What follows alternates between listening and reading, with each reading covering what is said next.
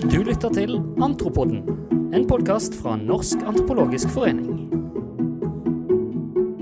Ja, du lytter, lytter nå til eh, Norsk antropologisk forenings podkastserie.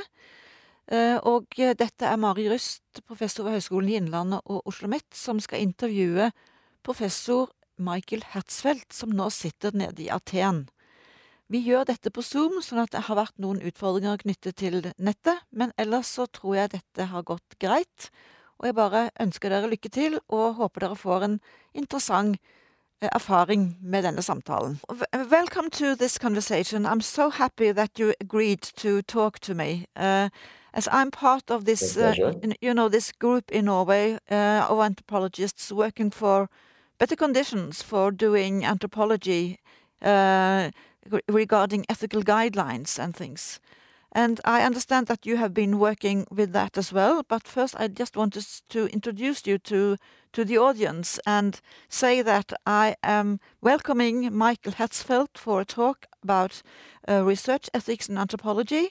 And he is professor in anthropology at Harvard University and have done research and fieldwork in Greece, uh, Italy, and Thailand with the focus on nationalism, knowledge transmission, urban dynamics, and social movements. And you have published a lot of books, and you have also published a lot of articles, and you are still going strong, aren't you? About the publishing and working, I hope. Yes, and um, I'm very much looking forward to the conversation. Yeah, and the point of departure for for this talk is your recent article from June this year uh, in Anthropology Today, with the title Ethnographic Responsibility Can the Bureaucratization of Research Ethics Be Ethical? And that is, as I read your article, it's right to the core of what our group, the, the FEF group in Norwegian, is, is working uh, with about uh, research ethics in anthropology. And I think that for the, this audience, maybe you should just uh, take us through a, a, a very sh quite short summary about the, the main arguments and why you decided to write such an article. One of the reasons I decided to write it is that, fortunately for me, at Harvard, we have a relatively, uh, in fact, a very understanding office that is uh, charged with the supervision of research ethics. But it's very clear to everyone that that office is constrained by the uh, legal team that Harvard uh, keeps at its disposal, uh, and that this legal team's main interest here is to prevent the university from being sued. Now, uh, we could begin uh, from a very simple question.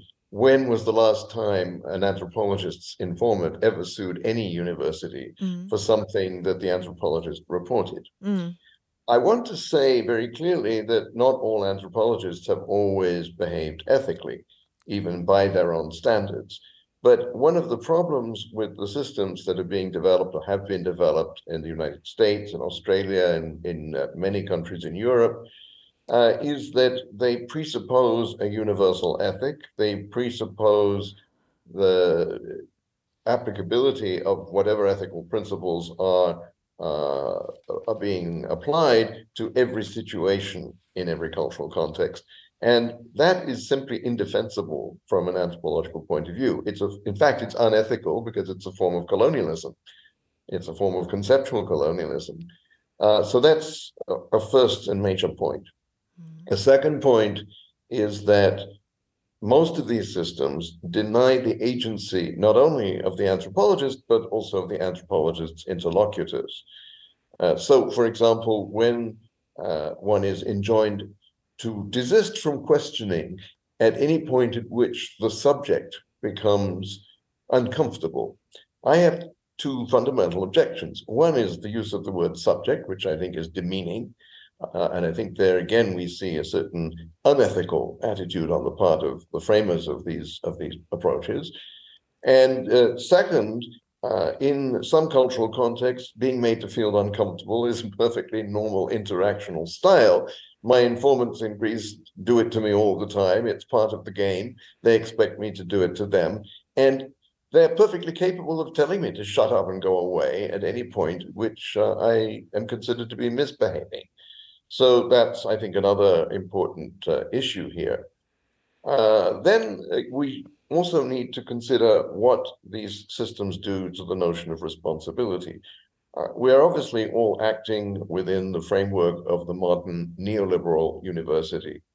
I don't think neoliberalism is either new uh, or uh, or liberal. Uh, in fact, here I think we're seeing uh, the irony of the use of such a term. But let's take it as it is used. The neoliberal university wants to responsibilize all of its members so that they take the blame if something goes wrong and the university is protected. What this leads to is another highly unethical situation. It means that they are now sacrificing academic freedom, the freedom to express or engage in and in serious academic research, uh, in the name of protecting the university as a financial institution. Mm. And this, again, I think is thoroughly unethical. Mm. So, those are at least some of the reasons for which I decided that it was high time that anthropologists uh, spoke up. Mm. Another reason that I think is something worth considering, you will have gathered from my earlier comment that I'm very critical, obviously, of anything that looks like colonialism. The fact of the matter is that uh, some people have accused anthropology, or and, and it has a, certainly has a colonialist past. Um, I think it's done more than any other social science to look critically at its past, and in that respect, it should be a model for the other social sciences. But they tend to ignore that. Mm. Um, but uh, the uh, uh, important thing here is that in thinking about uh, the potential charge that anthropology has a colonial uh, has inherited a set of colonial practices that ethnography is extractive there's no necessary reason for it to be so.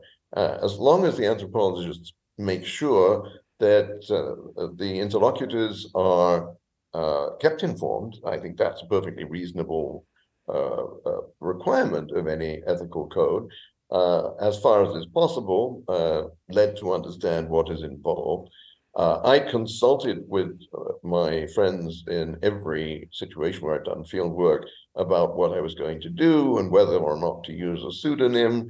Uh, and indeed, that in one case changed over time. The village where I worked in Crete, I originally uh, did not name. And then finally, when the village got into a lot of trouble in my most recent book, I, and in other publications, I have named it, but that was done again after consultation.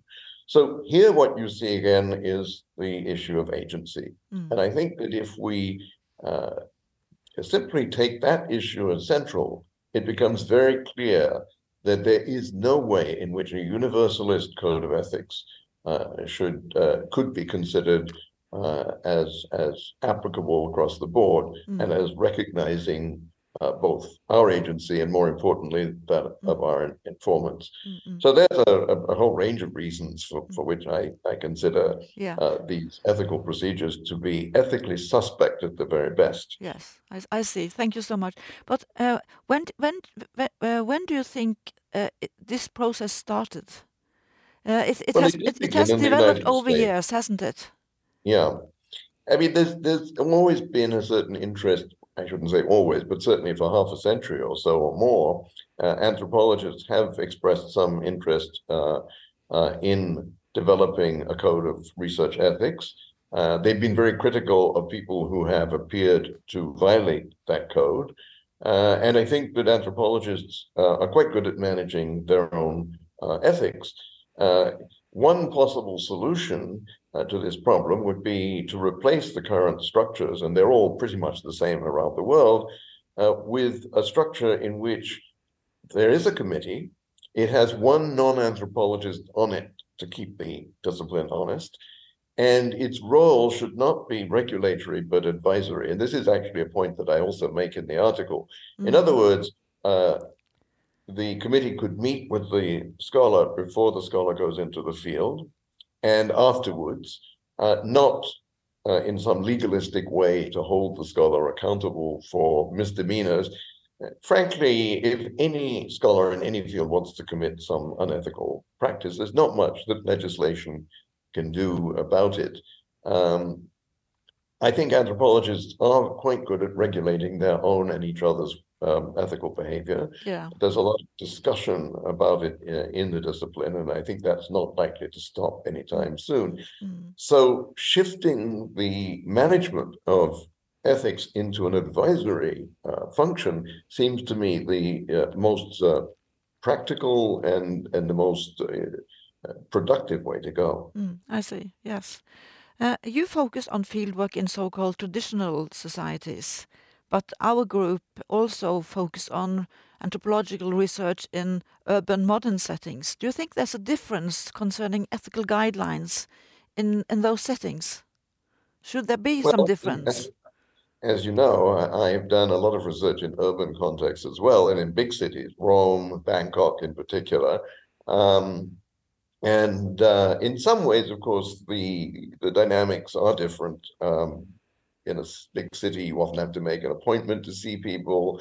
Uh, that wasn't actually entirely the case in either Rome or Bangkok because I was dealing with uh, enclaves within each city. But certainly, if I wanted to talk to officials who might have some bearing on the case or, or commercial operators or whatever, um, then certainly that usually became a necessity. Um, I I also recognize that there are now new problems as a result of people doing ethnography uh, on the on the internet. No question that that also requires a very new kind of attention.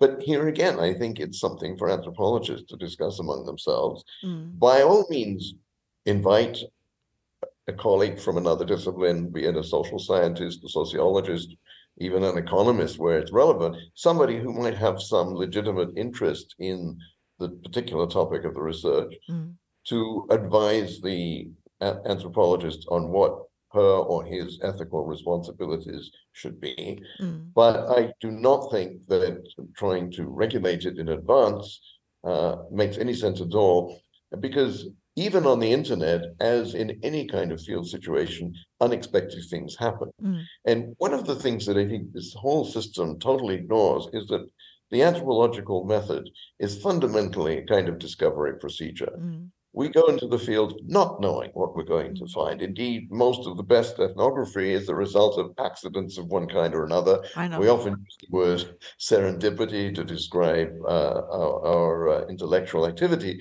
And for that reason, uh, the format of most of, in fact, I think virtually all of these uh, uh, ethical procedures is simply inappropriate. Mm, mm. I totally agree with you. But, but then what about research in schools and health institutions? We have particular, uh, particularly problems in getting access in health institutions in Norway because of what just what you're saying, that, that you can't get access without a detailed plan beforehand. Well, I mean, we, you know, when you write a grant proposal in anthropology, you're supposed to say what it is you're planning to do. But any committee of anthropologists reading that proposal uh, is going to understand perfectly well that there might not be the final product, and that what they would expect is the final product of equivalent value Mm, to what was expected. Uh, again, I mean, my most, I think my most successful field work has always been uh, the result of some kind of accident. Um, Yes. I didn't even know that the village I was working in in Crete was still heavily engaged in all sorts of illegal activities until I'd been there for Mm. four months and had begun to to get their confidence. mm, Um, in Bangkok, I was actually resisting visiting the community that that ended up being at the center of my research because it didn't seem to be all that uh, relevant until one day an NGO activist invited me to go over there. Uh, I had been focusing on a n- nearby but um, un, largely unrelated set of communities, and I heard during the protest a lot of talk about the very thing that I was interested in, which was historical memory and the impact of eviction mm, on historical memory, and that immediately made me decide to shift my focus. Mm. Now, it's true that with, for example, the United States IRB process, you can send in an amendment.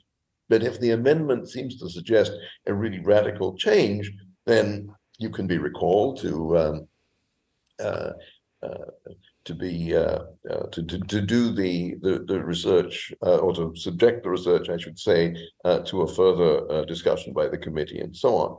Mm. Um, there are two comparisons that I think are worth making, and I mentioned both of them uh, in the article. One, thanks to a, a, a very sharp-minded reviewer, and that's the first one, which is the parallel with oral history. Oral historians do not, in the American system, have to do an IRB. And the second is with journalism. Journalists have a lot more freedom than we do, and some of their methods are a lot less ethical mm. than ours. Mm. So I think there again, we have a strong case to make. Mm. To go back to the oral history example, I think the logic behind it is that oral historians do not usually attempt to prove a generalizing theory. Mm. Now, there are anthropologists uh, especially those of a more positivistic inclination, who still believe that anthropology should generate generalizing theory. Mm. I personally don't think that all theory is a matter of generalization. It can be heuristic. It can be setting up a frame of comparison that might lead to some generalizations later on, mm. but are not the primary focus of the research. Mm. It really is a discovery procedure. That's what ethnography is. You go there, you think you know what's interesting, Mm. and then maybe your informants tell you, well, we're not interested in talking about this, but there's this other thing which uh, is absolutely fascinating. Mm. When I, to go back to the example of animal theft in Crete, um, what actually got me interested in it was talking to a, an official of the village. Mm. I happened to notice two people who, um, whom I didn't know, and I asked who they were, and he used a word to describe them that he then had to explain to me as the go-between, the mediators who go between a thief and his victim without actually revealing the identity of the thief to the victim Mm. so that the victim can somehow recover Mm. the stolen sheep. But then the victim will try to figure out from whatever information he Mm. gets um, where the sheep are located and therefore who stole them. And this initiates a series of raids and counter raids, which eventually leads not just to reconciliation, but to alliance. In fact, in the in the book I originally wrote about this, Poetics of Manhood, I talk about the phrase "we steal to make friends." Mm. Mm. Uh, Mm. Mm. Very interesting. not uncommon in pastoral societies uh, around the world. I believe the Sami have some, some similar uh, practices. For example, certainly the Bedouin uh, with camels. Mm. So, um, uh, yes, there's a generalizing element in the sense that we could say that we can compare different systems of uh, um, uh, of uh, the use of animal theft for the creation of relationships among communities. But that's not actually what you're doing when you're in the field. You're just trying to find out what they're doing in that particular community. Yeah. Um, the theorizing comes later. So again, uh, I think this uh, expectation that anthropologists should be going in to test a theory which works perfectly well for experimental sciences and works perfectly well for survey research does not work for ethnography and Mm. therefore ethnography should be as exempt as journalism and oral history Mm, mm, mm. And that that is, uh, you know, the the core of the, what this group is working with to to to get the scientific community to understand that anthropology and ethnographic research has something special that is worth taking care of, which brings forth different knowledges, particularly as I see it in sensitive fields where you don't get what you ask for often. You you get it by surprise, by accident, just like what you've you've been saying about, uh, telling us about now. Yeah. and so you know technically i suppose anything you learn by accident uh, is something that you are supposed to ignore but nobody does that Mm, so here's the other problem the, the system as it's now created essentially forces us to lie mm, whether we are conscious of doing so or not, and I think most of us, most of the time, are not all that conscious. We Mm. just feel a bit uncomfortable that this is something that didn't quite come up in the in the original uh, framing. mm, Uh, so, what do we do about that? Uh, yes. it does seem to me that this is the time at an international level, and that's why at the end of the article I, I make an appeal for an international campaign to explain again in very forceful terms not only what anthropology does, but also why that knowledge is important. Yes. And I think you know that we all we can all come up with with uh, uh, arguments in defense of that sort of knowledge. Um, ethically, I think it's important to say that that knowledge comes to us because the people give it to us, give it willingly. That's fine. They know what we're interested in. Mm. And sometimes they, I make this point also that, that they sometimes tell us, oh, don't say anything bad about the village. So in the case of the animal theft, I sat down and discussed it with them. And I said, look, if journalists really know about this, and they do, they are writing without any kind of restraint. And in fact, it's a, there's a lot of sensationalist uh, uh, coverage of this sort of thing and the vendetta and all these other local practices in the Greek press. So much so that Greek and Cypriot tourists were actually going to the village to see these wild men. I mean, this was, you know, this was really dark tourism in the worst sense of the term. Mm. And it upset the, the villagers. So what they saw when my book was published in Greek was that, as I had promised them, I was very respectful of the idea that these are social uh, institutions, that I, my job was to explain them as social institutions and not to sensationalize them. Of course, there's an element of exoticism. Every anthropology student who picks up that book, I think, probably says, wow, you know, this is Mm. really interesting, this is fun. And I will confess openly that when I first was told what was going on, I said, this is a classic anthropological topic, and I've got to see if I can find out more, you know, to Mm. study it. Mm. Um, but in the end, what I did was, first of all, in consultation with many of the villagers, of course, they will have different differing opinions, but I have a sense of what the general consensus would be. Um, I was careful to uh, protect individual and family identities. Um, when the book came out in Greek, of course, the ones who uh, had, whose activities were described were able to recognize their own family names. I had given one group the completely fictitious name of Skoufades. And when my wife and I arrived in the village a few months uh, after the publication of the Greek edition, we went to the coffee house, uh, or, or several coffee houses, and at one of them, which was run by the Skoufades, Mm. we were, as usual, invited to sit down and have a drink. And then one of the elderly men looked at me with a very cheeky grin and in thick local dialect said, So tell me, Michael, how does it feel to be sitting here with so many Skoufades? And the Yes. whole burst out in, with roars of laughter, Yeah. which said to me, you know, we know what you did and we, we like it. Yes, yes. I, I read that. I like Yes, that. Very, uh, like that very much.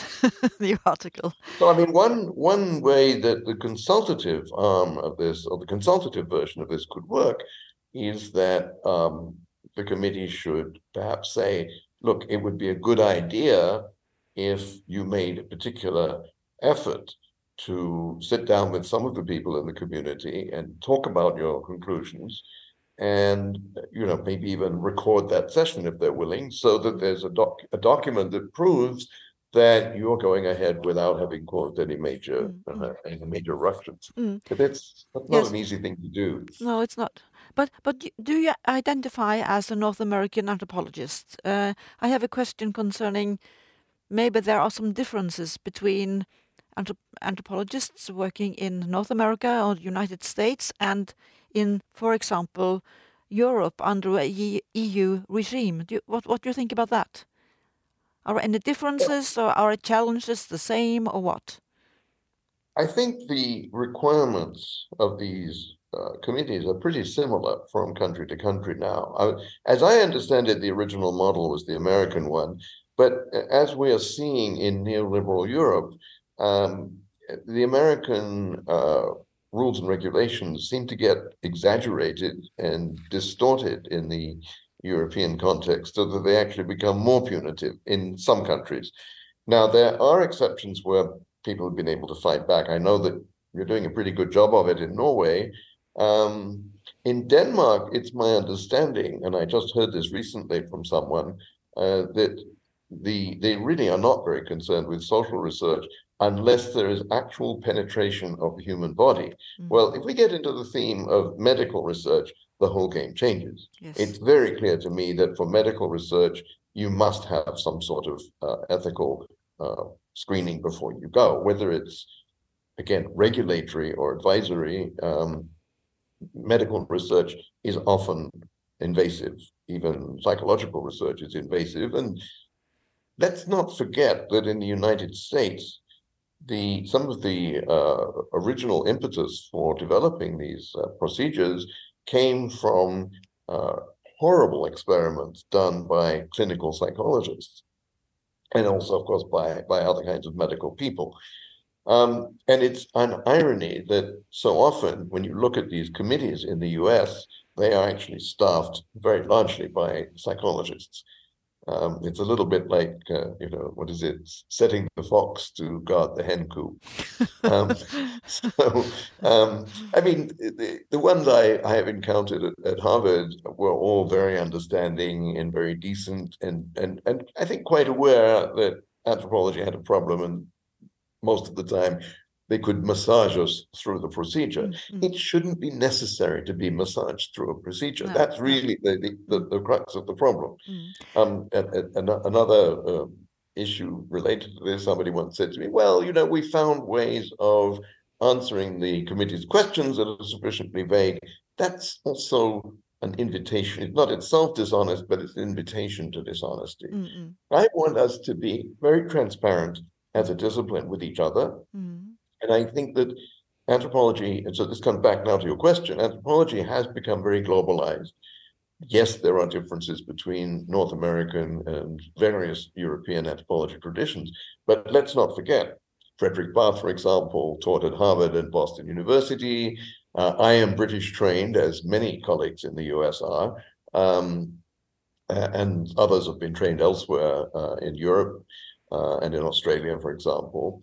So these differences uh, may be important to individuals, but they really don't seem to me now to add up uh, to, to a mm-hmm. significant difference. Mm-hmm. And that's another reason why um, I think we can make uh, common cause to try to push back against this bureaucratization. Mm-hmm. But do you exp- experience in your anthropological network that other anthropologists are concerned about the same things? Is, well, is, I mean, is there some work going on in the United States, for example, concerning uh, uh, research ethics in anthropology? Concerning research ethics and the possibilities of yeah. doing anthropology. No, there are discussions um, in many places. Um, what I tried to do in this article, which I think is a bit different, uh, is to say, isn't it time that we banded together on a global basis mm. uh, and made the case? Uh, of course, it has to be government by government at one level, um, in Europe, we, we, also have to make that case uh, at the level of the European Union, um, although that doesn't cover all of Europe. But the interesting thing about the EU is the, the, the effect of GDPR. Um, in my university, when GDPR was promulgated, there was immediate panic, I think, on the part of the lawyers. Yeah. I have only indirect evidence for this, but it's pretty persuasive. Okay. And there was a not quite a moratorium, but we were really discouraged from doing any research in Europe, which for somebody like me was really infuriating. And and and again, the university has a duty to protect its researchers so that they can do their research. What's happening now is that they're doing exactly the opposite. In any case, um, uh, the the focus um, shifted from the research itself uh, to the satisfa- satisfaction of certain kinds of, of uh, regulation. Um, and I think this can be can be resisted. Uh, with the GDPR, for example, uh, and this is really the point I wanted to make, uh, the GDPR was was conceived as a way of protecting consumers uh, from a misuse of their personal data. Mm. Fine, it's an excellent idea. It's an ethical idea. But when it starts to be used to stop anthropologists from keeping information in their computers that would allow them to sort out their data, to know the difference between who said what when, um, that's ridiculous. Mm. And it's also, I think, contrary to the spirit of the original idea behind the GDPR. Mm. Mm.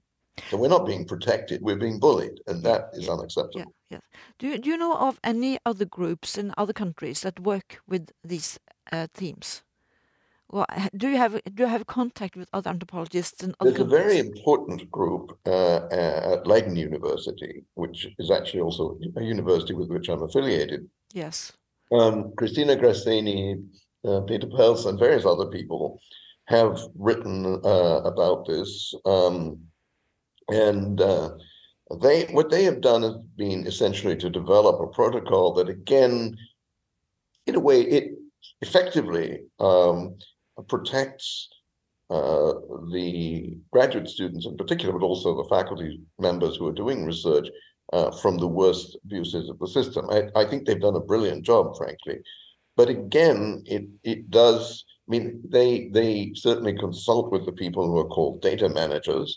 Now, that term data managers already tells you where the impetus is coming from. Mm. Uh, one data manager in one university, I won't say where in Europe, actually said to me, you know, we know it's all bullshit, but we have to do it. Mm. So, yes, you might get sympathetic officials.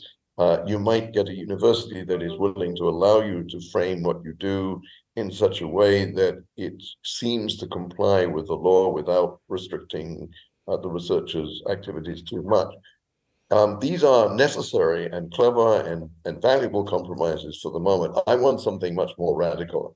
I want the whole idea of bureaucratic regulation of our ethics to be dropped because I think it's unethical Mm. uh, and replaced by a system that allows us to be open about what we do, to be open to inspection without obviously revealing confidential data, Mm.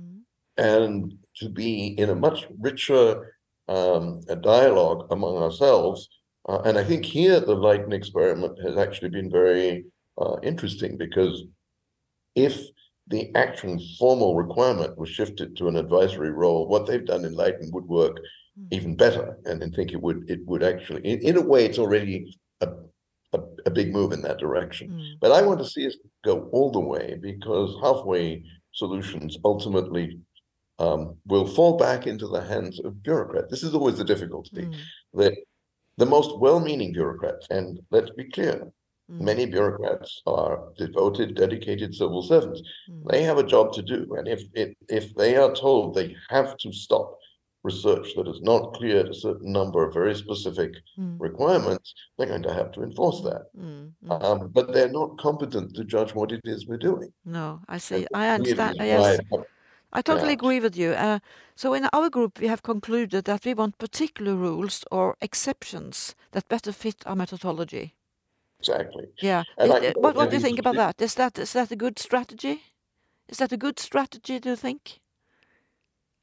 Again, these Is it a good strategy to you know to to, to, Yeah. to, to to ask for exceptions? absolutely. I mean, I think we need to we need to uh, make it very clear that we are an exceptional case. Um, if oral history can be treated as exceptional, why can't we? hmm Yeah. Yes. We were into this about mobilizing anthropologists worldwide in order to, to combat the system, kind of.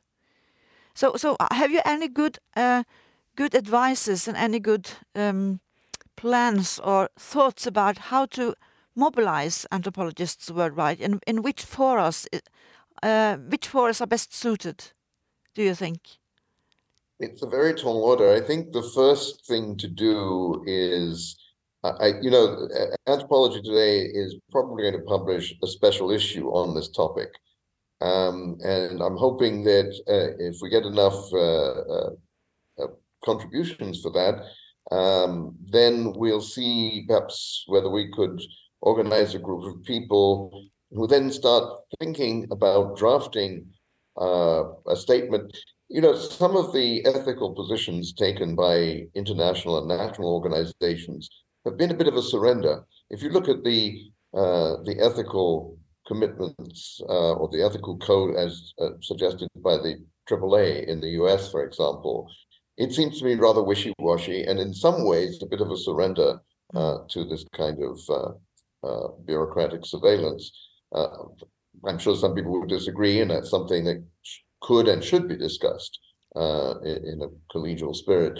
But I think if we can identify a few people who are really interested in this and willing to stick their necks out, I mean, I'm now retired, so I don't know how much influence I would have, but I'm more than happy to to join such a group. Mm. Um, then I think the next thing is to identify the various offices of both nation states and international supranational organizations like the EU and say, look, we have this problem and it's it's a scandal and we need to deal with it.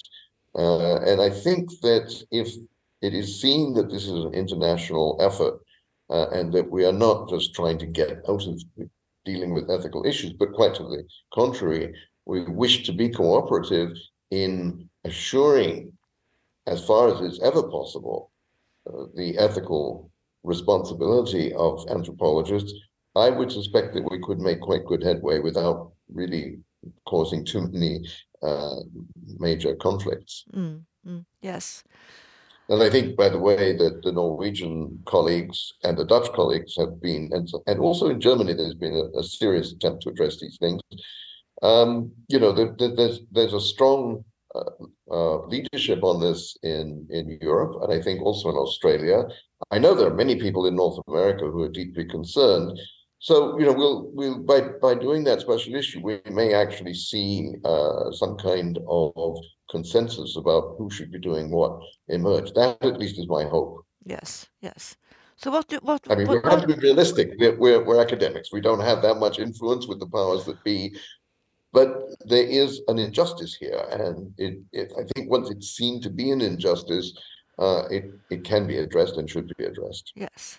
So thank you so much. Uh, just a final, final question. What would you advise our group to work with in the future, in the near I'm future? sorry, I, am not hearing you very well. What, what, what, what, what would you advise our group, the FEF group in Norway, to work with just for the well, near future? I mean, I think the most important thing now is to focus on how the process could be transformed from a regulatory to an advisory process in a way that satisfies outside observers that anthropologists are really behaving.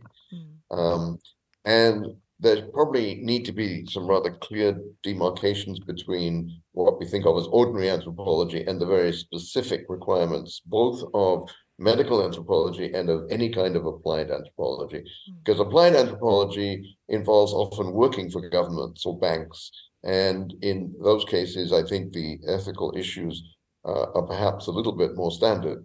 But even there, uh, I think there's an important discussion. Mm. For uh, what you might call pure research, uh, I think uh, we can and should move forward uh, to the kind of discussion I've been indicating. And I think pushing for a an advisory process that is led by anthropologists rather than by anonymous people from other disciplines, uh, it, it's not just a good start, it's really the goal.